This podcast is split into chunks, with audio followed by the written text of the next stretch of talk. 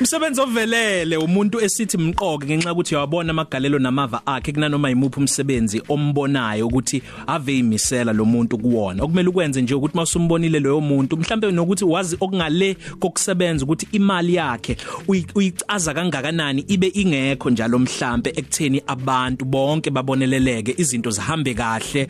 Ulibambile ikhaya mhlambe uyamazi ingakho ke sithi thumela i-email kwi-email address esingwenya@sabc.co.za Cabanga ke uzoqoqa masithi umsebenzi ovelele kuqala nje unyaka kuJanuary lokho ngiyathemba ukuthi kuqoquzela nje unyaka wonke ukuthi uhlazi wenza kahle umsebenzi wakho. Njengamanje sikhuluma no Duze Dr Love Mzola Duze hello darling. Yebo sawubona Ninjani? Ngiyaphila nkosazana wena? Sikhona ukhuluma no Sal Beyonce kanye siyabonga mhlonge emsazweni ukhozi FM Yebo. Lalela ke weduze ngikutshele mina indaba la. Hayi ke, umuntu usibhalelile la wathi ngiqoka umshayeli wetekisi wangakithi eTrustfeed uduze Dr Love Mzolo. Sazongena ukuthi indaba ebizwa Dr Love. Ushayela iQuantum NP 185 dash dash dash yakwangubane usuka eTrustfeed ayethekwini awu ayethawini ePietermaritzburg. Uthi lo mshayeli ubaphatha kahle abagibeli, uyinto eyodwa, unamancoko akadinwa, ubaphatha ngendlela efanayo bonke abantu. Uvula umsakazo ukhozi ukuze uvulela abagibeli. yebo yebo. Kuthiwa uvuka noma ngabe isikhathi sini ebusuku uma edingeka ukushayela kwa uma edinga ukushayela he ukushayela kwakhe kuyancomeka. Ibhesheli ke lezo free eh bakhona abafuthi nasemakhaya. Yakhokhwa yakhokhwa izayoni makuyi weekend abantu bakhonzezwa yini lezi ayibhesheli babona begcwele itekisi. impela and kuyenzeka futhi kwesinye isikhathi futhi mgo mhlawumbe makukude emakhaya kukude kunemoto eyodwa mhlawumbe khona oyedwa mhlawumbe intombazane yasendaweni nomama wendawo eyithwele kuthiwa hayibo thathani imoto fonela Dr love hey hayibo asisi nango omunye ekhuluma weduze lalela lalela Yebo. Ngifingelele igama lami ngusiboniso Gcwabaza eTraffic eh ngigqoke employee of the week umshayeli wetekisi langakithi iQuantum eliku NP 185875 eh lo mshayeli nguduze Mzolo.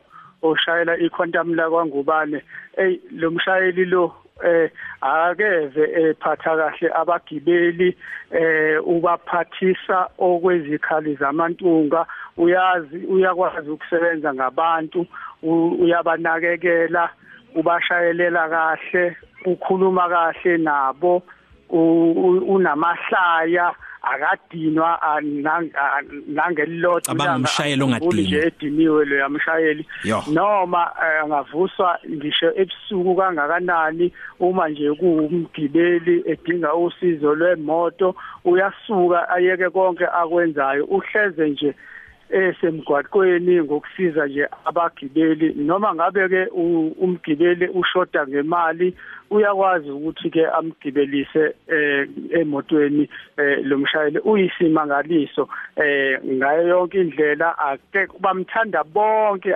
abagibeli. Eh noma ngabe imoto igijima kanjani eshayela uyena kodwa angeke uze umshayeli ekhononda umgibeli njalo. Angeke uze umgibeli ekhononda ngoba iyathula nje imoto yakho ushayela kamnandi. Nayi ukuthi ukuthi agijime ukudlula ispeed esingaphezulu kwesivumelekile. Akeqi ku 120 kilometers noma ngaphezulu kwa100 hayi sivile. Noma ngabe kuyiwa endaweni zokungebeleka kobhishi emathekwini ngekhathi zokuthi iyona moto yakhe ehlala iqokwa ngabantu ifunwa ngapha nangapha.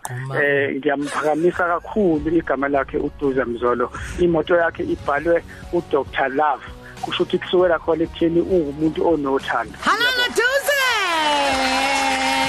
Ngiyabonga kakhulu kwesazana. Hayi uqinisile usho mina impela. Ah, Duze bani. Hayi usho mina impela. Indlela engidume ngayo nje uthando nje ukunika abantu uthando ngendlela efanayo. Weduze kuthiwa noma ungagijima kangakanani kodwa imoto yakhe ayizwakali. Wenza ngani? Eh, ila ngafunda khona nje ngafunda ukushayela ngemoto endala i20 so eh umuntu wangifundisa ukushayela wayengitshela ukuthi imoto ufuna ngiyiphathe kahle. Bengazuthi diphethe yami. Ah duze. Awufuna ukubiza nje ababili abathatha khona lapha ne rank kosameni bambisene nabo Jesu. Noma mhlawumbe nalowo mgibelo oyedwa nje ukuchaza eTrustfeed nganga eTrustfeed ngangiyoshumayela izwani. Qhubeka duze. Indlela engafunda ngayo nje ukuthi umuntu uyahlonishwa umuntu uphathwa kahle. Akukho okuningi engingakusho ukuzithoba nje emphakathini. Oh siyabonga kakhulu uduze bandla. Nkosi yami nangu siyabonga ya oh. Uthi usel Beyonce ucela nje leyo front seat kungabe usathathwa umuntu. Eh ngabusathatha umuntu. Cace nje. Kuthi ngitshela ukuthi sekuyeyakhe ngempela. Yebo! Bye Duze. Happy Monday. Ngiyabonga kakhulu Positive Cafe. Ilunch yakho ayifani neyizolo.